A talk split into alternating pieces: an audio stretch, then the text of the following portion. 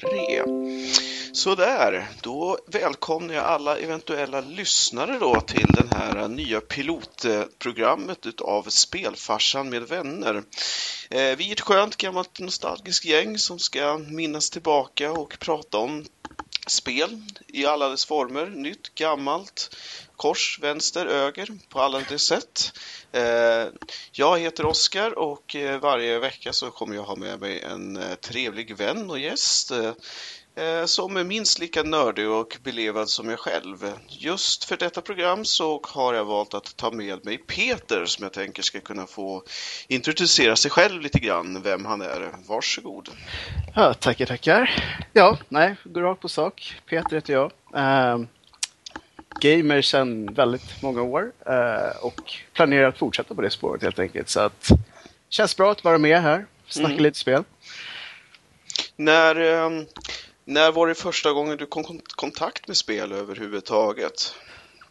Jag har funderat lite på det faktiskt. Uh, jag tror att det var någon gång under NES-tiden som det mm. började på riktigt. Uh, hade inte konsoler själv då, men man var över hos alla kompisar som hade och mm. naggade på Super Mario. Ja, det var ju samma sak här. Jag kommer ihåg mitt första spelminne överhuvudtaget var ett Game Watch-spel som, eh, kommer, om du kommer ihåg de här eh, fickspelen som var en klocka och ett eh, spelset. Ja, de ja! Mm, jag tror jag var fem bast och eh, spelade ett, eh, Super Mario. En, eh, någon tidig variant utav, alltså innan NES-spelet kan man ju säga. Mm. Och det var väl typ kärlek vid första ögonkastet måste jag säga. Eh, nästa minne jag har var att eh, jag hade en sommarkompis eh, som eh, hans bror hade ett Nintendo. Jag tror det var sex år eller någonting. Och jag tror jag spenderade ja, i princip alla vakna timmar den sommaren framför denna NES-konsol. Alltså. Det låter, låter som en sån här historia man har hört många säga olika varianter av. Så att, eh, man fastnade på en gång. Är man fortfarande gamer i, i den åldern vi har kommit upp med så är det ju nästan alltid sådana historier. Att man någonstans tidigt stötte på ett spel och sen var man fast stort sett. Mm. Jo, det är ungefär som att jag tror att det verkligen eh, man verkligen vet om man är gamer eller inte till exempel. Att jag minns min lyckligaste jul var när jag fick min egen NES. Ja, det där är... Så att... Eh, jo, och en, alltså... liksom en annan gamer förstår den glädjen på en gång när du säger typ så jag fick mm. min egen näst. Det är så här, man bara, ja. Det kan ja. inte bli så mycket bättre än så liksom. Nej, precis. Och jag tror att Många brukar ju jämföra det med liksom andra saker som kanske inte är så lika bra men eh, liksom som det skulle vara knark eller alkohol eller vad det nu är liksom när man väl har liksom den här första fixen det, det blir aldrig bättre än så liksom. Nej. Och så kommer du ständigt jaga den här fixen. Precis. Men eh, jag måste ju ändå säga att jag tycker gamingen är betydligt mer hälsosam än eh, andra, ska vi kalla det, droger ska... eller beroenden eller ja. Precis, om vi ska jämföra med en drog så är det här den drogen jag gärna är hooked på i så fall. Jo, men den bidrar ju ändå på samma sätt i princip som eh, andra droger därför att den ger ju dig endorfiner, den ger ju dig eh, ja, alla typer av impulser beroende lite på Ja, vad, vad du väljer. Jag kommer ihåg sådana saker som eh, till exempel så mina föräldrar tyckte ju att jag spelade alldeles för mycket. Så att de hade ju en dag när jag inte fick spela. Nu var jag kanske sju, åtta år någonting i den mm -hmm. stilen. Eh, men jag hade ju kompisar som jag kunde kila över till. Och eh, eh, kommer ihåg så väl eh, eh, Bubble Bubble till exempel. Commodore ah. 64. Därefter vart det, det var en sån här kille du vet som var Mega Drive-killen.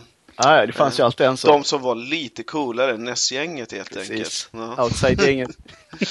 Nej, det var, det var fantastiska tider. Precis. Men eh, sen har ju det där liksom följt med hela, hela vägen upp nu eh, i 33 års tid. Så att jag skulle säga att i alla fall 27 av de här åren så har jag dedikerat till spel på ett eller annat sätt eh, i olika omgångar. Och eh, det är egentligen det jag tänkt att det här första programmet ska handla om, att vi ska minnas tillbaka, kanske inte riktigt så långt som, jo, ja, för sig, vi, vi, har kommit, vi kommer nudda Nessen i alla fall vid Ja, ett av de här spelen då, men min tanke är att vi ska prata om eh, fyra stora ikoniska spel som man nästan alla gamers som kan säga att de är gamers på riktigt åtminstone har någon relation till liksom. Och hissa och dissa, det, det finns många som säger mycket men jag tror att eh, det skulle vara att ljuga att säga att, det, att de inte har lämnat avtryck i alla fall så att säga. Ja, men så är det ju helt klart. Tycker vi har fått en fin lista till första programmet. Ja, precis. Så jag tänkte att eh, ja, vi ska inte konstla till det mycket mer än så än att vi helt enkelt då introducerar veckans första spel som är eh, då Secret of Mana eller Seiken Dentsu till eh, SNES helt enkelt. Där pratar vi ju blytung nostalgi på en gång. Mm. Alltså, det går inte att komma ifrån. Hur, vad var din första kontakt med detta spel? Ehm, det var återigen då, eftersom jag inte hade Nintendo-konsoler, så Mm. var det folk som hade det som började prata om det. Det, var vissa, det fanns ju massa sådana här du vet, eh, speltidningar på den tiden. Mm. Och då stod det om det och liksom att... Nintendo-magasinet till exempel. Precis, Fast precis. nu hade det väl gått över och blivit eh, Powerplay eller Superplay Det var sjutton. någonstans där i krokarna som det blev det. Men det Mm. som var Nintendo-tidningen som liksom... Ja, jo, det var ju Tobias och gänget som gick över från eh, Bergslagen till att göra sin eh, egen tidning om jag förstod om minns Ja. det rätt. hört att det var någon sån här äh, typ skiftning som gjorde att det blev så mycket skillnader där. Men Mm. jag kommer ihåg att det var typ någonting i den tidningen som triggade ett intresse och sen så äh, var det någon som äh, jag skaffade det och sen var det kört liksom. Jo, för min del var det ju eh, så att eh, jag hade inte heller någon eh, Super NES vid det här tillfället. Jag hade en, fortfarande en NES, eh, men eh, eh, av olika anledningar. Jag tror att det, att det var så att vi hade sommaren innan så hade vi börjat spela mycket, du vet, drakar och demoner och Mm, mm. Magic och såna här saker. Så vi, vi å, jag åt ju allt vad rollspel hette och desto nördigare desto bättre liksom. Så jag minns att jag övertygade, för man kunde ju hyra både konsoler och spel på den eh, eh, tiden. Eh, Absolut. och så vi gick ihop och hyrde helt enkelt en SNES plus Secret of Mana i en veckas tid. Det låter magiskt. Ja. det var ju ganska så här, eh, ja, ganska dyrt om inte annat. Och, men nej, vi, eh, jag minns så väl för att eh, vi, var, vi var ju två då som sagt som hyrde den här ihop. Mm. Och, så, och vi hade tyvärr inte någon eh, treportskontroller eller möjlighet att spela tre. För det är ju faktiskt så att Secret of Mana är ju ett av de få RPGs överhuvudtaget skulle jag vilja säga i, i upp till modern tid där du faktiskt kan spela split screen, eller inte split screen, men du kan spela co-op på tre Mm. karaktärer samtidigt. Så det sjuka var att man hade ju inte riktigt koll på hur unikt det var eftersom man träffade på det här spelet så pass tidigt. Men när man har kollat på spel som har kommit efteråt så är det ju verkligen inte jättevanligt på något sätt. Nej, precis för att eh, nu så har så det finns kanske säkert en massa obskyra japanska titlar som inte jag Antagligen. har koll på där det här existerar också.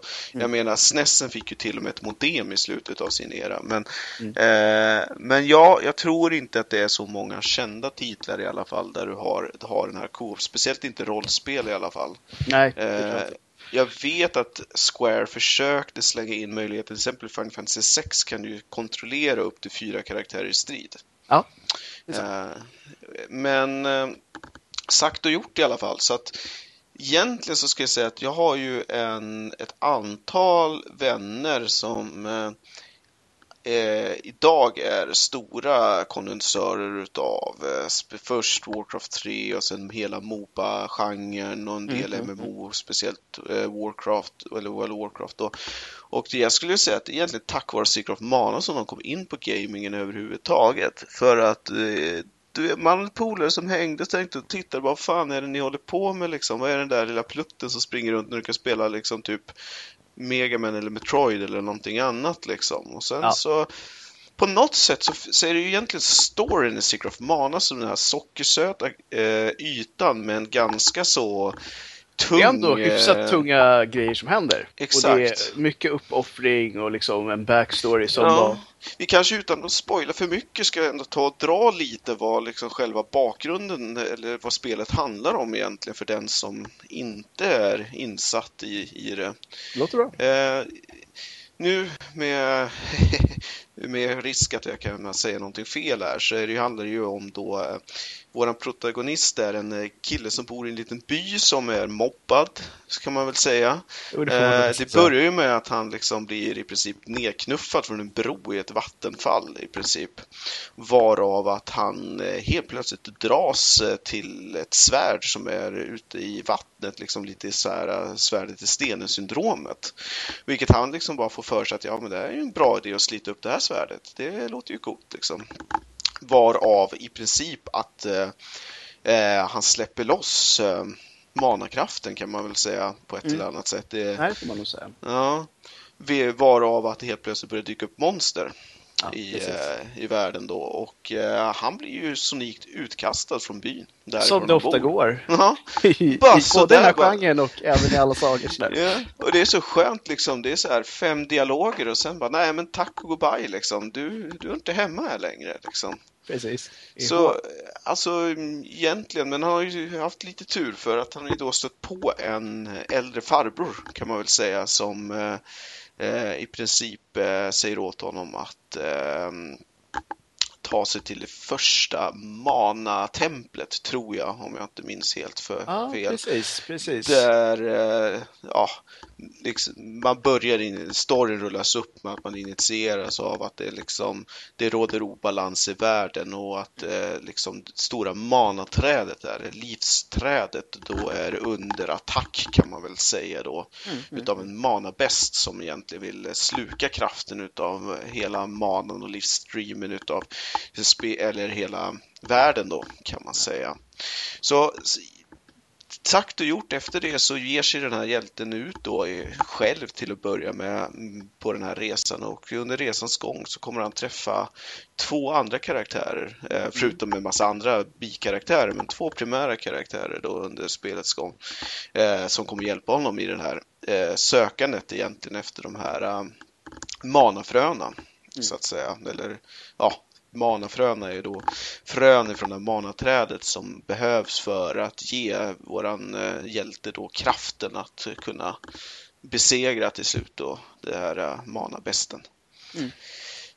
Så att, eh, men det är ju, det är ju också så att det som kanske är lite unikt med det här spelet också, det är ju då att det är i början utav alla de här rollspelen så var det ju ganska så, Square gjorde ju ganska unika grejer med att introducera ett ganska så både komplext men också möjligheten till frihet, att du inte bara kunde springa rakt fram.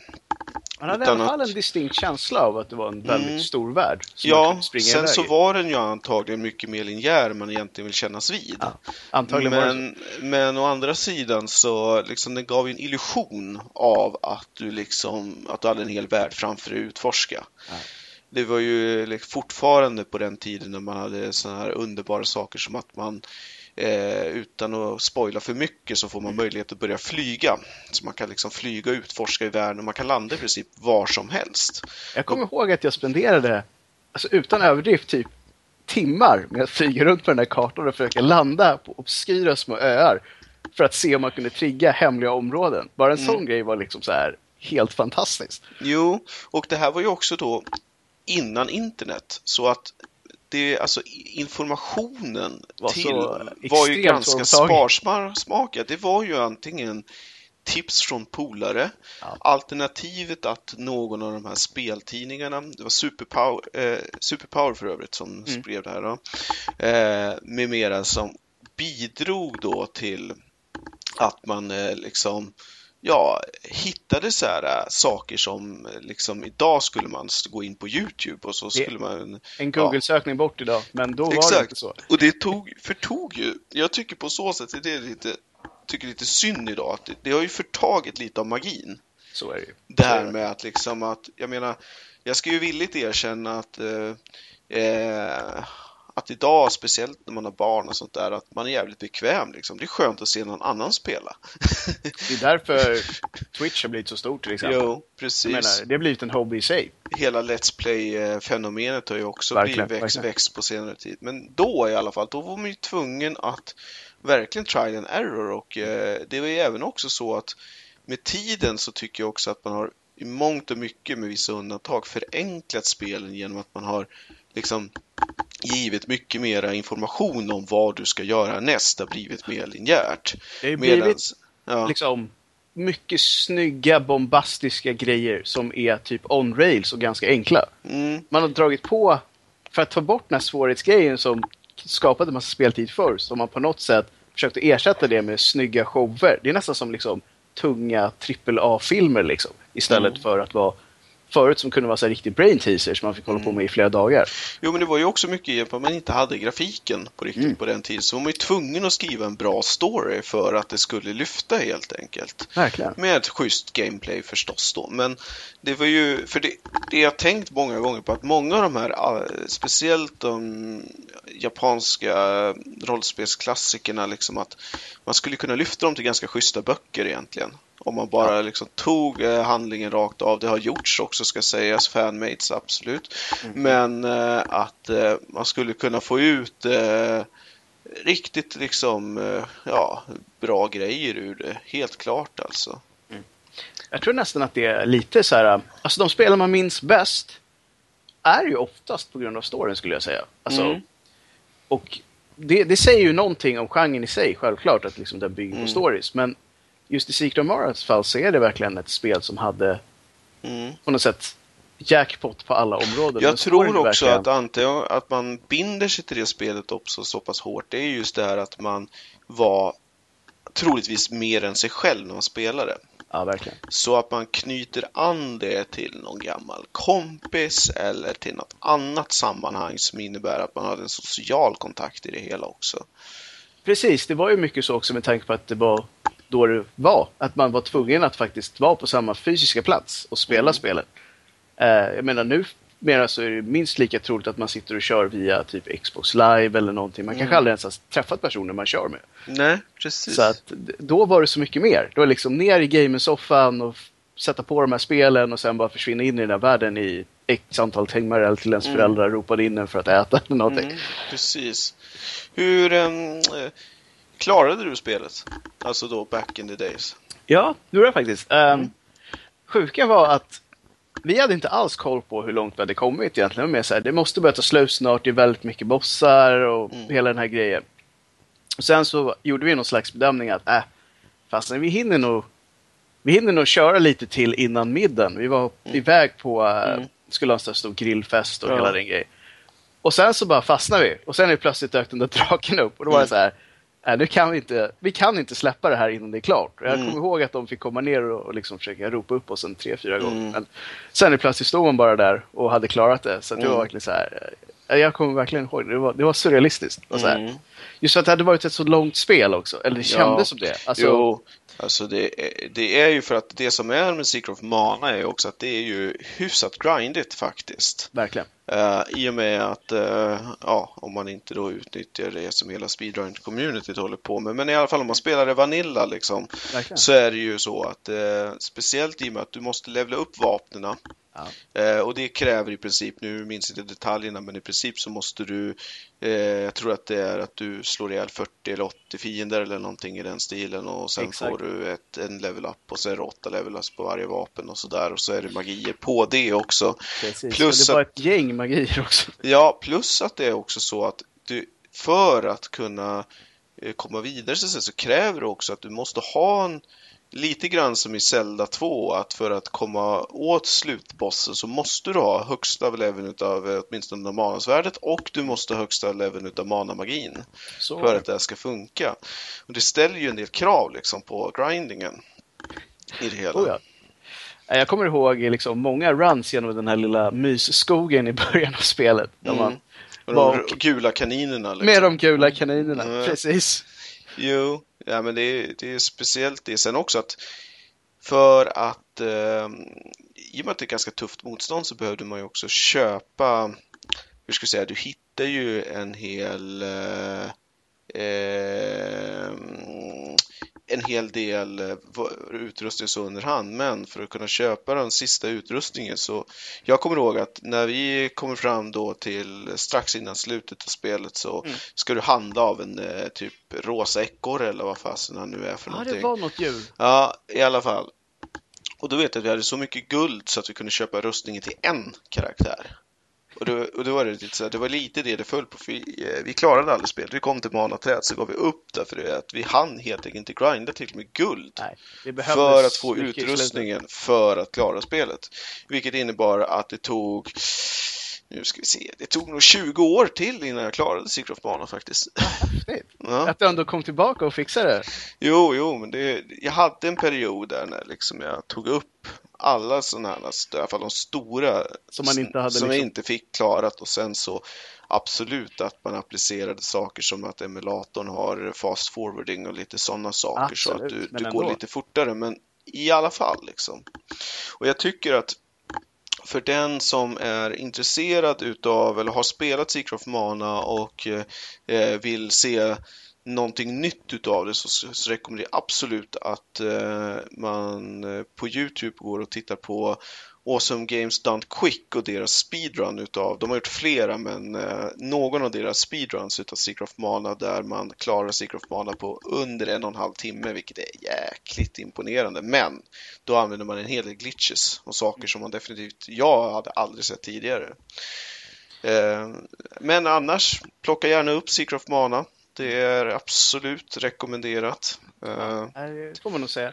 En fråga bara, så här. jag tänkte Ja. att om man inte har klarat spelet någonsin, mm. man kanske har kört det eller så har man inte kört det alls. Skulle du då rekommendera att man tittar på en speedrun först? Eller är det fortfarande värt att faktiskt spela igenom det Vanilla? Jag tror att du ska spela igenom Vanilla först i så fall därför att speedrunet så hoppar de en tredjedel om inte mer av storyn.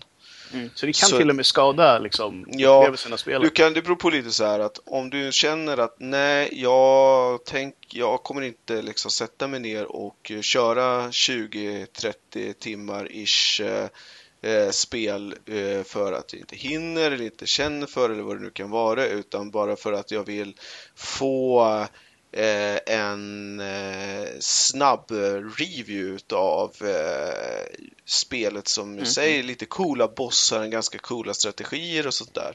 Så, så kan det vara värt att se det. Men Mm. jag skulle nog snarare då då skulle jag nog inte gå på som Game Stunt Quick utan då skulle jag gå på en hundraprocentig speedrun. Där man ändå får det så snabbt som möjligt men med all story. Så jag blir nästan lite sugen faktiskt bara när man hör det sådär. Just att man kanske inte har den tiden att spela igenom det igen. Mm. Sådär. Men att faktiskt se spelet spelas i så här lagom proportioner över ett gäng sittningar skulle nog Mm. fortfarande vara ganska roligt. Mm.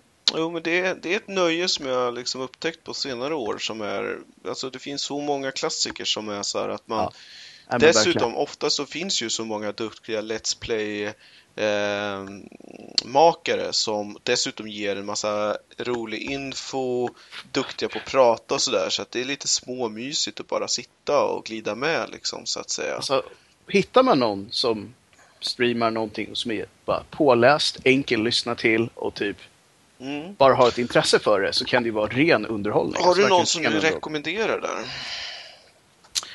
Eh, jag kommer ihåg att jag följde en sajt som hette Next Gen Walkthroughs under en längre tid. För de gjorde väldigt mycket bra guider för spel men också Mm. pratade fritt under dem. Eh, nu tror jag att den som håller i den sajten har på senare år liksom tagit upp sina studier igen så att frekvensen av material har gått ner ganska drastiskt. Men förr så var det bra underhållning där. Ja, nej, jag skulle eh, kunna rekommendera, jag skulle nog definitivt kunna i alla fall säga Splattercat. Han är en sån Mhm. här eh, en riktig ikon inom eh, Let's Plays och gör allt mellan himmel och jord. Allt från eh, eh, liksom gamla SNES-lir till eh, eh, le, vet, Dying Light till exempel. Nu, eh, se, där, även har liksom nu, hans spel kör hundraprocentig Let's Mm. Plays och får betalt av det också. och Sådär. Mm. Men eh, oftast är det ju så att om man söker på Youtube och eh, bara hittar liksom nå, de som kommer i princip upp högt så brukar det vara eh, bra. Sen kan man ju också som du säger Twitch som vi var inne på lite grann. Att det Absolut. finns ju de som faktiskt kör det live också. Oh ja. Eh, jag har en kanal där som jag tror har blivit ganska stor på senare år, men som heter Cone Carnage. Som kör, och det är ett stort grupp som är liksom under hans brand eller vad man ska säga. Men han kör oftast liksom att nu kör vi en hel serie, så kanske han rullar igenom alla liksom eh, Resident Evil-spel och då går han så långt tillbaka som det går och kör igenom. Och liksom har väldigt så här, täta dialoger med de som är med eh, i chatten. Så att mycket av det bygger på att de snackar runt och han liksom reagerar på spelen tillsammans med dem. Vilket gör att det blir liksom bra underhållning. Jag har sett en del spel där som jag har noll intresse av att spela själv. Mm. Men som ändå är så här stor underhållning att bara titta på. Och eh, det är verkligen häftigt. Som säger, det är någonting Mm. man har kommit in på på senare år. Jo, absolut. Jag tänker så här att vi ska försöka mm, avsluta Secret of Mana här för att eh, Precis, annars blir vi fast i timmar. Ja, precis. Vi skulle nog kunna viga ett helt program till Secret of Mana, men eh, innan vi eh, lämnar det så vi har i och för sig varit inne på det tidigare, men jag tänker så här par tips till den som tänker sig att plocka upp det här då att, eh, och säger att ja, men jag ska nog ge det här en chans. Liksom. Vad, vad skulle du vilja säga till den här personen då som är på, antagligen har spelat en del andra liknande spel tidigare men kanske inte just det här? Får väl egentligen säga som det är att det är ju ett japanskt spel på gott och ont. Det har ju definitivt den stilen. Eh, och det som du sa, det är kanske är lite svårare än många spel man kör numera. Eh, men om man tycker om genren och är beredd på en utmaning eh, och gärna har en story som är bättre än average så, så finns det inte många spel som jag rekommenderar mer faktiskt. Om man är okej med hur grafiken ser ut numera och, och sådär. Så att eh, jag skulle fortfarande rekommendera det till folk som, som tycker om genren, helt klart. Mm. Jag skulle också säga att eh, hitta gärna en kompis att spela med i och med att du, möjligheten finns. Har man möjlighet så Ja. absolut. Många, så en del eh, emulatorer idag stödjer ju även nätverksspel eh, eh, Mm. så att säga. Så att om man nu inte sitter på samma, samma plats så att säga. Ja. Nej men alltså absolut, så är det ju. Får man in någon mer på det så har man verkligen vunnit mycket tror jag. Mm, vad bra, men då lämnar vi Secret of Mana och eh, För den här gången i alla fall. för den här gången och sen hoppar vi vidare kanske till ikonernas ikon inom... Vi lämnar inte JRPG-djungeln riktigt ännu utan eh, ger oss vidare till, eh, ska vi säga, nog en av mina absoluta favoritklassiker när det kommer till spel och då går vi in förstås på Final Fantasy 7 alltså. Det här är ju... Eh, skulle nog kunna avhandlats i eh, hur många timmar som helst men eh, på något sätt har det ju här liksom spelet blivit definitionen utav japansk rollspel. Rakt upp och ner. I alla fall i västvärlden får man väl Mm. säga. För eh, den som kanske har levt under en sten och eh, inte riktigt har koll på vad det här är så skulle vi kunna säga så här att SNES la ju grunden till att introducera eh, rollspel i väst kan man säga. Men eh, de flesta, allra flesta utav de här rollspelen, både som även eh, Secret of Mana är ett undantag, men de flesta kom inte till Europa utan eh, importerades av fans ifrån eh, eh, USA. Mm. Och eh, för att göra saker och ting ännu mer krångligt så var det så att i staterna så eh, hade man lite annorlunda, alltså när man började utge, ge ut Final Fantasy-spelen så började man med eh, att man gav dem eh, siffror efter hur de kom ut i, i, eh, i USA, det vill säga att Final Fantasy 4 ifrån Japan helt plötsligt blev eh, Final Fantasy 2 i USA. Och Final Fantasy 6 ifrån Japan. Femman kom aldrig till USA och blev Final Fantasy 3. Men, eh, och det var en jäkla massa förvirring under det. Men när Sony plockade upp Playstation och eh, eh, kom överens med Square om att eh, satsa då på att eh, ge ut ett japanskt rollspel över hela världen, även i Europa, så var det då deras installation av Final Fantasy 7. Och man ska ju säga att make till produktion är, har ju knappt gjort idag. Alltså det är väl fortfarande en av världens absolut dyraste spelproduktioner någonsin. Så vitt jag har förstått så är det fortfarande Till exempel, så bara för att ge det i perspektiv, så är det, var det dyrare än att producera både Battlefield och uh, The Witcher. Och där pratar vi ett antal miljoner. Mm. Och för att inte tala om hur jäkla många timmar man la på detta spel. Mm. Eh, speciellt också då att det var en ny konsol, ny teknik. Man gick ifrån 16-bitars 2D till att gå till eh, 3D och eh, eh, polygoner och eh, ja, eh, det var ju ett stort skifte helt enkelt i, i hur man byggde spel helt enkelt. Man hade ju också då förstås även hela plötsligt det här med CD-möjligheten. Man kunde ju alltså ha film eller FMV-sekvenser kanske. Mm. Så att det är väl det som också blev ikoniskt för det här spelet, att man eh, liksom bar storyn med ganska maffiga filmer kan man väl säga, eller filmklipp. För i alla fall med dåtidens teknik så var det Det var inte bara ett spel, det var liksom en upplevelse. Alltså, ja, precis. Det, var liksom första gången när man liksom i princip fick det här uh, känslan av interaktiv film. Liksom. Mm. Att man, man var där och man kunde liksom bestämma vart, vart man skulle gå någonstans. Ja. Eh, saker som har gjort det här till antagligen ett av de absolut mest omtalade spelen någonsin.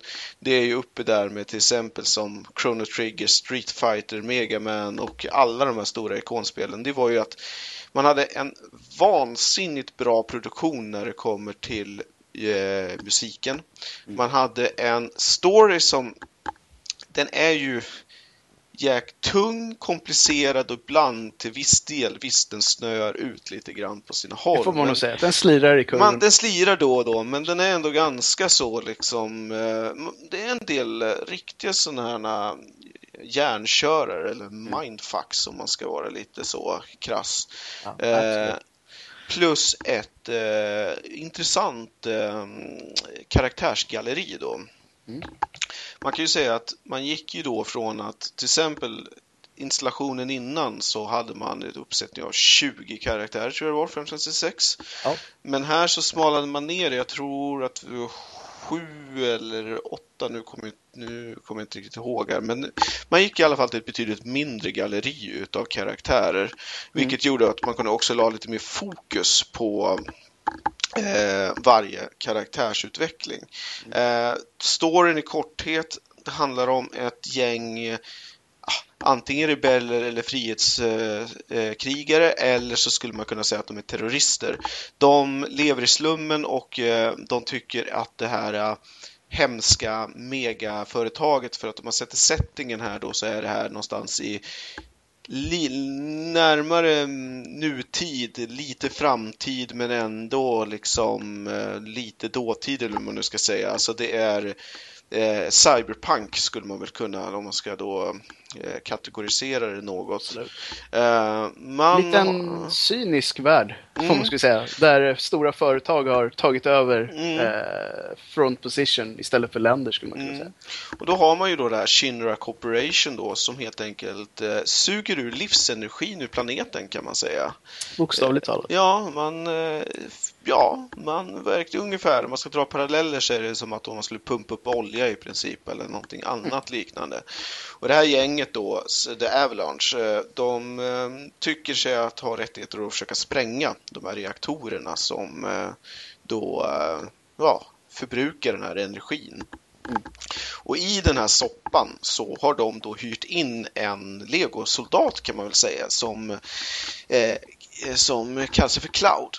Mm. Eh, från början så han är lite svår och mystisk och liksom kallar sig bara att men det som är viktigt för honom det är att han är soldier first class. Liksom. Att, eh, Eh, så att han är då, eh, upplever sig själv då som en, ja, hyresvärd helt enkelt så att säga. Och redan där är lite ovanligt egentligen att man har en karaktär som verkar genuint ointresserad och otrevlig till att börja med. Ganska, eh, ja. Som gör en grej av att inte vara emotionellt inblandad i det som gruppen håller på med. Nej, utan han är väl där för pengarna helt Ja. enkelt kan man säga.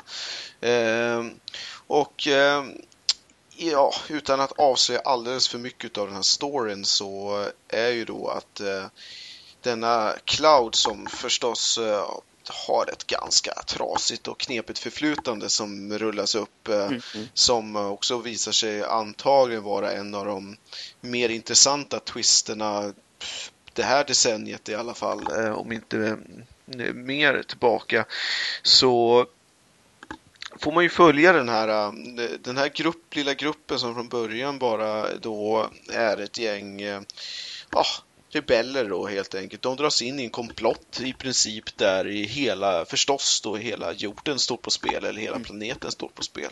Ja, det börjar ju väldigt småskaligt får man ja. säga. En liksom, liten terroriststrike i en större stad Mm. som bara sprider sig snabbt. Mm.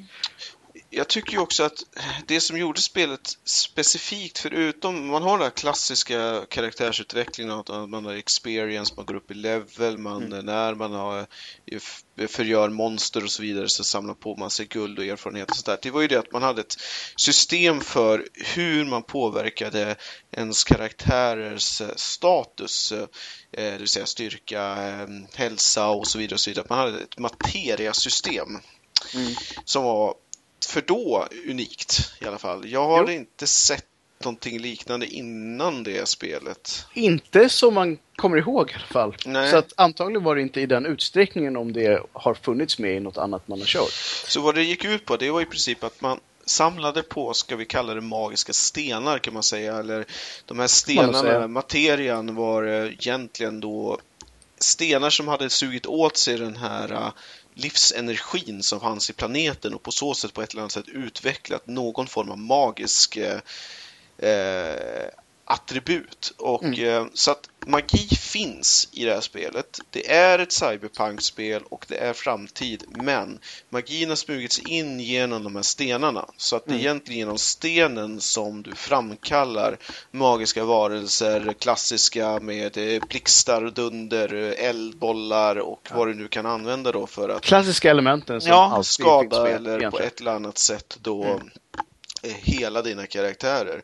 Och det var då att man använder materian för att applicera för ens utrustning, det vill säga ens vapen framför allt, hade som sockets för att placera materia. Och när du kombinerade olika typer av materia så kunde det bidra till hur mycket HP du hade, hur mycket MP du hade, hur mycket strength du hade och så vidare och så vidare och så vidare. Plus en del andra intressanta attribut då. Så att man fick ju en otrolig frihet i hur man byggde sina karaktärer då. Mm, verkligen. Och då var det ju också ett spel i spelet att man uppgraderade de här stenarna. Så att till exempel varje sten, om man tar till exempel, ja, Cure till exempel. Då hade ju den fem nivåer så att när man eh, då hade ihjäl eh, fiender och så vidare så levlade man upp stenarna och när de blev starkare så blev ens attribut starkare på karaktären. Så Mm. att eh, det var ju också en unik grej i det hela. Ja, och det byggde ju också på på en gång för alla de som liksom älskar att fullfölja saker. Mm. Så fick man ju eh, alla möjliga chanser att gå ner sig ordentligt i eh, systemet och grinding. Mm. Jo, för tidigare hade det ju varit, visst, man hade introducerat en viss mån av det här redan i Final Fantasy 6 med sina espers som Mm. du kunde då på ett eller annat sätt eh, göra starkare. Men det här var ju liksom att ta det steget längre och det som ska sägas om Final Fantasy överlag är att det alltid handlat om kristaller på ett eller annat sätt. Så det här är var ju en, en varia- variant på det hela. Mm, mm, mm. Men sen också det som bidrog till att eh, Final Fantasy 7 var så speciellt, det var ju också att man tog in eh, riktigt maffiga summoners på, på riktigt. Man har haft summoners sen Final Fantasy 3, tror jag. Eh, men i princip är det så att du med speciell sån här magisk sten kan framkalla en olika typer av mytologiska bestar, kan man säga, som strider för dig, till exempel Odin eller eh, riddarna runt runda bordet eller Shiva, Shiva ja, med flera, med flera. Så eh, då liksom hjälpte dig att eh, förstöra monstren och de här effekterna, liksom, det hade aldrig setts förut. Alltså, det var helt mindblowing verkligen. Ja, ja. Första gången jag såg Knights of the Round Table, mm. det, det var som att se en actionfilm nästan. Mm. Och då ska man också då säga att de här, precis den du nämner är ju då också att, att vägen fram till att få hitta de här riktigt eh, eh, stora starka grejerna var ju otroligt komplicerat. Ja, ja verkligen. Alltså, alltså, de flesta skulle jag säga utan att veta någon statistik hittade aldrig den. nej. Eh, det är ju så här. Eh, det är ju ändå, visserligen, ska, alltså för att ge det lite perspektiv så, visserligen glitchar eller mindre vanliga saker, men man hittade alltså saker i det här spelet åtminstone 15 år efter att det hade släppts. Absolut. Så det tog lång tid. Så att de har ju lagt ner en otrolig tid på att lägga in små alltså sidoaktiviteter som mm. gjorde att du, du kan i princip spela igenom spelet på 12 timmar genom att bara följa storyn och springa rakt igenom. Ja. Men jag skulle vilja säga att eh, beroende om du har all information framför dig så tar det åtminstone 30 timmar om du ska liksom hitta allt. Ja, det, jag tror att det är nog definitivt 30 plus mm. kan det nog till och med vara. Men, men det är definitivt 30 timmar. Mm. Det är stor skillnad, mm. väldigt stor skillnad. Mm. Men också sådana saker som att det man också gjorde som var unikt för spelet, det var att man introducerade, det har förekommit innan, men att man också gav rejäla utmaningar till dem som faktiskt hade lagt all den här tiden på att mm. faktiskt hitta de här grejerna. För det var ju lite grejen för innan att det alltid funnits hemligheter och bra spännande vapen och vad man nu rustningar och allt man kan hitta. Mm. Men då var det i princip att om du gjorde det, då var ju typ slutbossen då ofta så löjligt enkel så att det liksom det var inte så stor idé helt enkelt. Man fick inte så mycket ut för det mer än upptäckarglädjen då möjligtvis. Ja, och om man då hade något slags nöje att vara fullständigt overpowered så fick man ju det. Men som du säger, jag kommer ihåg bara spelet innan, när jag hade gjort allt, mm. så var slutbossen ja, ett skämt. Kefka var ju liksom, ja. Det var en pushover av stora mm. bott. mm. Men det är ju så här, alltså jag hade, jag tror inte jag hade någon kompis under tiden just när det hade släppts året efter som faktiskt hade klarat Ruby Weapon. Eller någon av de här, eller Emerald. Ja, Emerald kanske, men just Ruby Weapon var ju en sån här... Eh, för den som inte vet så Ruby Weapon är ett legendariskt monster som du kan helt valfritt välja att försöka, att försöka spöa då. Mm. Eh, till eh, historien hör ju att för det första är den förbannat stark. För det andra är det så oh att eh, den kan inleda med att helt enkelt plocka bort en av dina, dina karaktärer slumpvis när du kommer in i striden. Och eh, ja, jäkligt maffig att slå om man inte då vet exakt hur man ska göra. Ja, det är väldigt många tror jag som, som gav upp. Alltså mm. det, det ska ju vara helt förklara mig. Det, det var inte enkelt. Ja, men just också där att det var eh, valbart. Så var det ju folk som liksom, ja, där, alltså Eh, men sen också så här, jag tror att det gick ju också, jag skulle säga att det gick jäkligt mycket rykten om det här spelet. Jag tror aldrig varit med om ett spel som har haft så mycket rykten som det här spelet. I och med att det fanns så otroligt mycket att hitta och upptäcka och göra mm. så spanns det ju legender om saker. Vissa saker var ju faktiskt sånt som faktiskt fanns i spelet. Och oh. andra saker var ju så här... Äh, saker som folk ville ja, skulle finnas i spelet. ja, till exempel så Eh, och det är också starkt bidragande till varför spelet var så populärt och att det fanns mycket minispel, alltså små roliga saker du kunde hålla på med som inte hade egentligen med storyn att göra. Mm. Och en av de här grejerna är att man kan då rida de här äh, legendariska chokoborna som är stora gula pippifåglar i princip, ser ut som strutsar med gula vingar i princip. Blandning eh, mellan struts och kyckling. Ja, kan man säga. Och då kunde man vinna ett äh, item som är en eller man kunde hitta en utav 32 stycken tennsoldater. Mm. Det här itemet är helt meningslöst för övrigt. Det, är som, det ger ingenting, du kan inte sälja det, du kan inte göra någonting med det. Men det spanns ju en legend om att om du samlade alla de 32 av de här, att du då skulle kunna liksom eh, bring, att det var en nyckel till att eh, få fram en karaktär som inte finns. och Precis. så vidare, och så vidare, och så vidare. Typiskt för det här spelet får man nästan säga. Ja. Det fanns mycket, mycket sånt där som cirkulerade. Ja.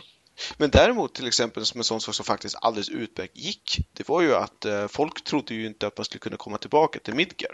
Nej. Men det går alldeles utmärkt att gräva Absolut. upp nyckeln till Midgar, till porten till sektor typ 12 tror jag det var, eller vad Ja. nu. Och helt plötsligt bara komma tillbaka.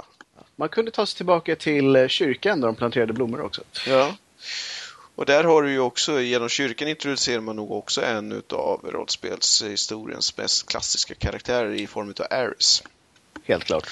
Ares är den här äh, blonda, äh, snälla, ganska så, ja, vad ska man säga, timida varelsen som är en av spelets äh, stora karaktärer och där är ju en av spelhistoriens största twister är ju att hon faktiskt då går och dör mitt efter halva spelet. Och på ett rätt så spektakulärt sätt också. Exakt, och här är ju också då en hel del myter om att man skulle kunna återuppliva henne. men eh, det var ju också sån här jäkla en grej så att nu gjorde inte jag det personligen men det fanns ju folk som hade lagt mycket tid på att eh, utveckla den här karaktären bara för att få se henne försvinna. Precis. och det var ju inte så schysst kanske. Eh, om man hade spenderat x antal timmar på att eh, göra det här. Jag har för mig att hon var en av de som fick det här uh, max level itemet också, just som en Tidigt, morot. ja. För att man faktiskt såg framför sig att det kommer kanske gå att hända någonting här om jag bara kämpar mig hela vägen till toppen här. Mm. Jo, nej men verkligen och eh, eh, mm. det, det finns ju också förstås en massa legender om eh, när folk har intervjuat utvecklare i efterhand och sånt där, där man har Mm.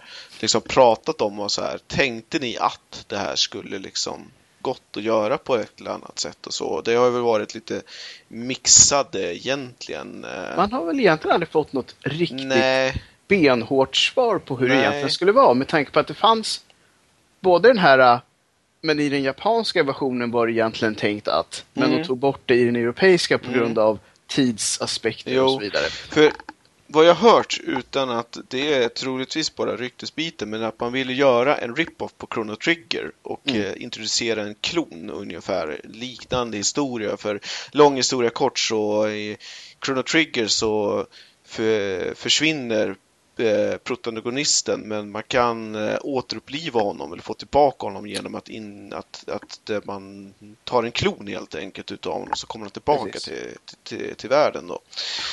Eh, men eh, nej, det, så skedde det inte. Inte Vanilla i alla fall. Det finns förstås massa moddar och liknande grejer som gör det här möjligt i alla fall då. Men Ja. det är ju bara ja, för Det syns fanns skull, ju också, om tänker på sj- själva slutstriden, så är det ju en plats tom. Mm, Även om man har alla tillgängliga karaktärer. mm. Vilket också var det här att ah, men det var nog egentligen tänkt så att Mm. Aeris skulle varit Komma med där. tillbaka ja, på ett Precis. Jo, men jag tycker på sätt och vis att må vara hur det än var tänkt så tycker jag att det ändå var ett jäkligt tufft drag att, att våga göra en sån här grej. Speciellt med tanke på att det är ju nästan huvudpersonen under vissa Mm. bitar av spelet. Mm. Och någon som jag tror hamnar väldigt högt upp på Mm. favoritkaraktär också Mm. från spelet. Nu ska vi säga så att eh, om man ska då liksom säga någonting till den som missade det här spelet och Mm. kanske bara plockade upp eh, kanske Final Fantasy 10, möjligtvis sett både hissade och dissade Final Fantasy 13 eh, och så vidare.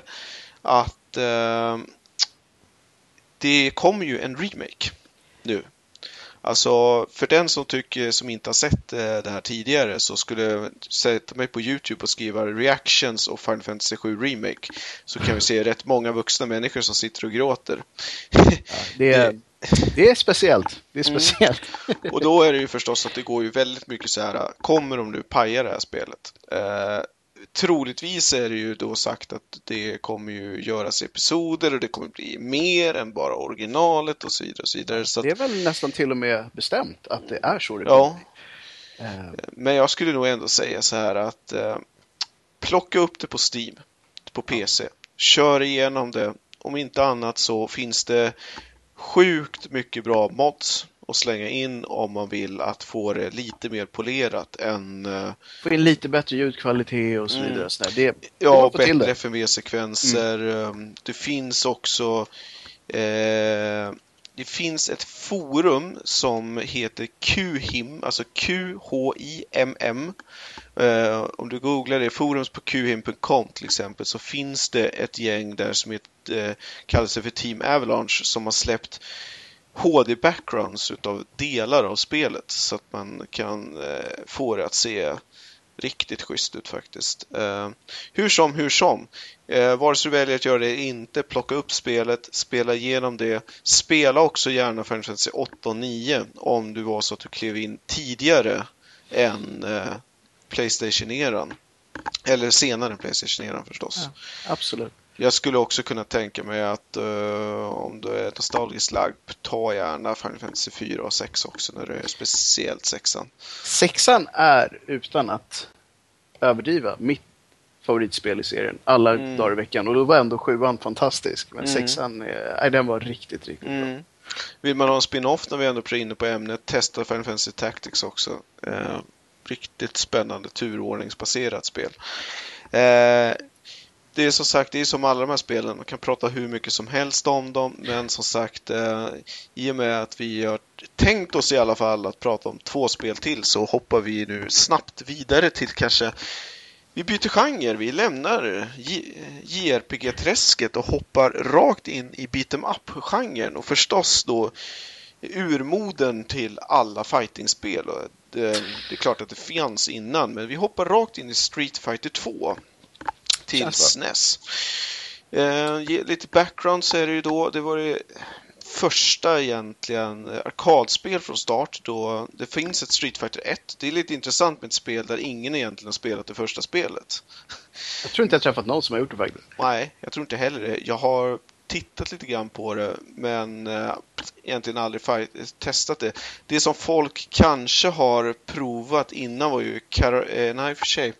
Nu kommer jag inte ihåg vad det heter till Commodore 64. Det fanns något sån här eh, Fighting League som var jäkligt, ja, det spelar ingen roll. Vi skiter i det. Street Fighter 2 är ju ett beat'em up, det vill säga att du är två, två karaktärer som slåss mot varandra. Varje person har en livsmätare och när du får in slag, sparkar eller kombinationer på olika sätt så minskar då livmätaren tills man är nere på noll och då förlorar man rond, ronden och så går man vidare så till bästa två eller bästa fem eller vad man nu liksom ställer in. Precis. Eh, det som gjorde det här spelet så sjukt eh, imponerande var ju att den, kontrollen är helt fläckfri. Den är alltså... Du kan aldrig skylla på att du förlorar på grund av kontrollen. Nej, man kan skylla på mycket, men kontrollerna är... Ja, det den är extremt tight, får man säga. Man ska också säga att det här spelet kom ju i samma anda som mycket av de här när Hongkong-filmerna började, de så kallade karatefilmerna började Precis. bli populära. Till exempel som Bruce Lee-filmerna, eh, Big Trouble in Little China till exempel. Absolut. Med flera, med flera. Eh, Van Damme också förstås då. Och så hypen var ju enorm. Man satte liksom urtypen utav alla sådana här egentliga motsägelsefulla grejer in i samma spel. Man hade till exempel en amerikansk marinkårssoldat som slåss mot en eh, eh, sumobrottare till exempel. Eller en tanig indier. Mm, som kan förlänga sina armar och ben. Absolut. Och, men alltså, det var ju en kombination av ett fantastiskt karaktärsgalleri ihop med en, ett utomärkt soundtrack. Ja. Också. Oh ja. Musiken är ju klassisk. Den var grym. Är grym fortfarande, men var det definitivt då. Mm. Och för att inte tala om då att när de här karaktärerna, man kunde då utföra specialattacker genom att trycka speciella kombinationer, till exempel eh, till exempel bak fram slag med den här marinkonsultaten Guile då, så utför den en så kallad Sonic Boom som vi säger. Det är som en, ett gult eldklot i form av en skära som, som då, om den träffar gör en viss mån skada. Men, och alla karaktärer hade det och de mest klassiska var ju då eh, Shoryuken eller Hadoken eller så vidare. Och det var ju också en så här många som så här hur många från början av ens polare faktiskt kunde uttala de här sakerna korrekt. det, det, jag ska säga att jag var inte en av dem i alla fall. Nej, man eh, försökte väl bara ta sig igenom det namnet så bäst man kunde. Mm. Var väl. Det var ju verkligen så här, uh, inga hintar om hur det skulle uttalas, mm. bara japanska namn istället. Ja, så man drog ju bara till med någonting som uh, då... Men jag tror också att det som gjorde det här spelet var ju det att i och med att man, till skillnad från till exempel Tekken eller Mortal Kombat, så behövde man inte nödvändigtvis kunna så mycket kombinationer för att kunna eh, vinna en match. Utan Nej. du kunde vinna en match på att bara använda dig utav grundattacken, det vill säga slag, spark. Och då hade man av en tre kombinationer så hade lätt slag, mellanslag, hårt slag till exempel. Och ett hårt slag tog längre tid animationsmässigt att utföra än ett kort slag. Så det är väldigt mycket taktik. Många liknar Street Fighter vid schack. Ja. Där du liksom, du inleder till exempel med ett hårt slag medan det kontrar med ett snabbt slag och så vidare. Och så, man. så att när man tittar på proffsmatcher så är det lika mycket otroligt mycket strategi i det hela. Nästan då. enbart säger de som är riktigt bra. De jo. ligger nästan alltid fyra moves före mm. det man ser på skärmen. Exakt. Och det är nog det här som gjorde att till exempel många av mina kompisar när man spelade Street Fighter, vem som helst kunde plocka upp kontrollen och faktiskt ha en rimlig chans att vinna. Speciellt för att det var ingen som var speciellt inspelad på det här från början då. Jag tänkte ju säga det. det, det hade, man hade ju oftast någon person som ägde det här spelet. Som kanske var lite bättre. Men alla andra hade oftast ett ganska liksom jämnt mm. utgångsläge. Vilket ja. gjorde det hysteriskt roligt. Jo, Nej, men så att jag tyckte att det, det, det var väldigt bra. Det var väldigt socialt också förstås. Det var ju Nej. sällan man spelade det här singel, utan det var ju alltid det, minst två. Jag kommer ihåg när man gjorde upp matchscheman, skickade runt kontrollen, hur man slängde den i väggen, hur man speciellt anklagade folk för fusk. Väldigt roligt, egentligen. Man hade ju nästan alltid, tror jag också, så här att eh, så länge du vinner får du spela. Mm. Och så fick folk möta tills någon tog över tronen. Och Också ett spel som introducerar en ganska bra AI. Jag är inte så här jättemånga jag känner som faktiskt klarade spelet mot, äh, mot äh, eh, AI på svåraste svårighetsgraden. Det var, det var genuint svårt. Mm. Jag tror nog att det även skulle vara genuint svårt idag. Finns, om det finns ju en del sköna så här, eh, typ, jag tror det är så här, för att få bästa slutet så ska du spela svåraste svårighetsgraden utan att att förlora en rond eller någonting i den stilen. Så finns det någon ännu galnare variant för mig utan att bli skadad överhuvudtaget eller någonting sånt där. Så det fanns ju sjukt svåra utmaningar i spelet oh ja. inbyggt från start. Eh, men man får väl ändå vara ganska ärlig och säga att för att vara ett spel som alla kan spela så har det alltid varit så att det belönar de som har lagt ner en ordentlig mm. tid på att bli riktigt bra. Mm. Så är det ju. Man ska ju också säga då att eh, Spelet eh, har ju förstås eh, rönt i otrolig mängd uppföljare och även då bildat genren, egentligen beat'em up-genren överlag. Liksom. Utan Street Fighter hade vi inte haft Mortal Kombat och utan Street Fighter Mortal Kombat hade vi inte haft Tekken och utan Tekken så hade vi definitivt inte haft saker som Dead or Alive eller Souls Calibur eller liknande, Killer Instinct till exempel skulle nog säga att det, det, det var det spelet som bar mm. upp genren. Och sen finns det många kloner, men det är där det mm. börjar. En intressant grej är att eh, spelet har till exempel, för att ge det lite kontext, har ju renderat, har ju, har ju korats som ett bättre spel än Zelda 3. Link to a Past. Det, det säger ju faktiskt Det säger mycket. det säger mycket. så att eh, det är ju helt stilbildande och det är så här att ja, alla har ju antagligen någon form av relation till fightingspel. Uh, idag så skulle jag säga att ja, egentligen det är inte så stor idé. Ska, ska man ha traditionellt Street Fighter så skulle jag plocka upp Street Fighter 2 HD tror jag det heter. Det Ja. lägger på en del av förfiningarna som man har gjort över tid men ändå behåller det här klassiska. Du kan till och med ställa in så att du får det klassiska lagget om du vill. Så kör på det, annars hoppa gärna på typ Street Fighter 4 eller 5. Spela inte online, kommer få stryk. Eh, Tänkte ju säga det. det. Det är värt att tänka på att vill man ha roligt när man spelar det Mm. så gör det inte online, åtminstone inte Nej. förrän du har en spenderat många timmar. som du vill spela det här med. För annars är det inte så jäkla men. Då kan du lägga tiden på något annat i så fall.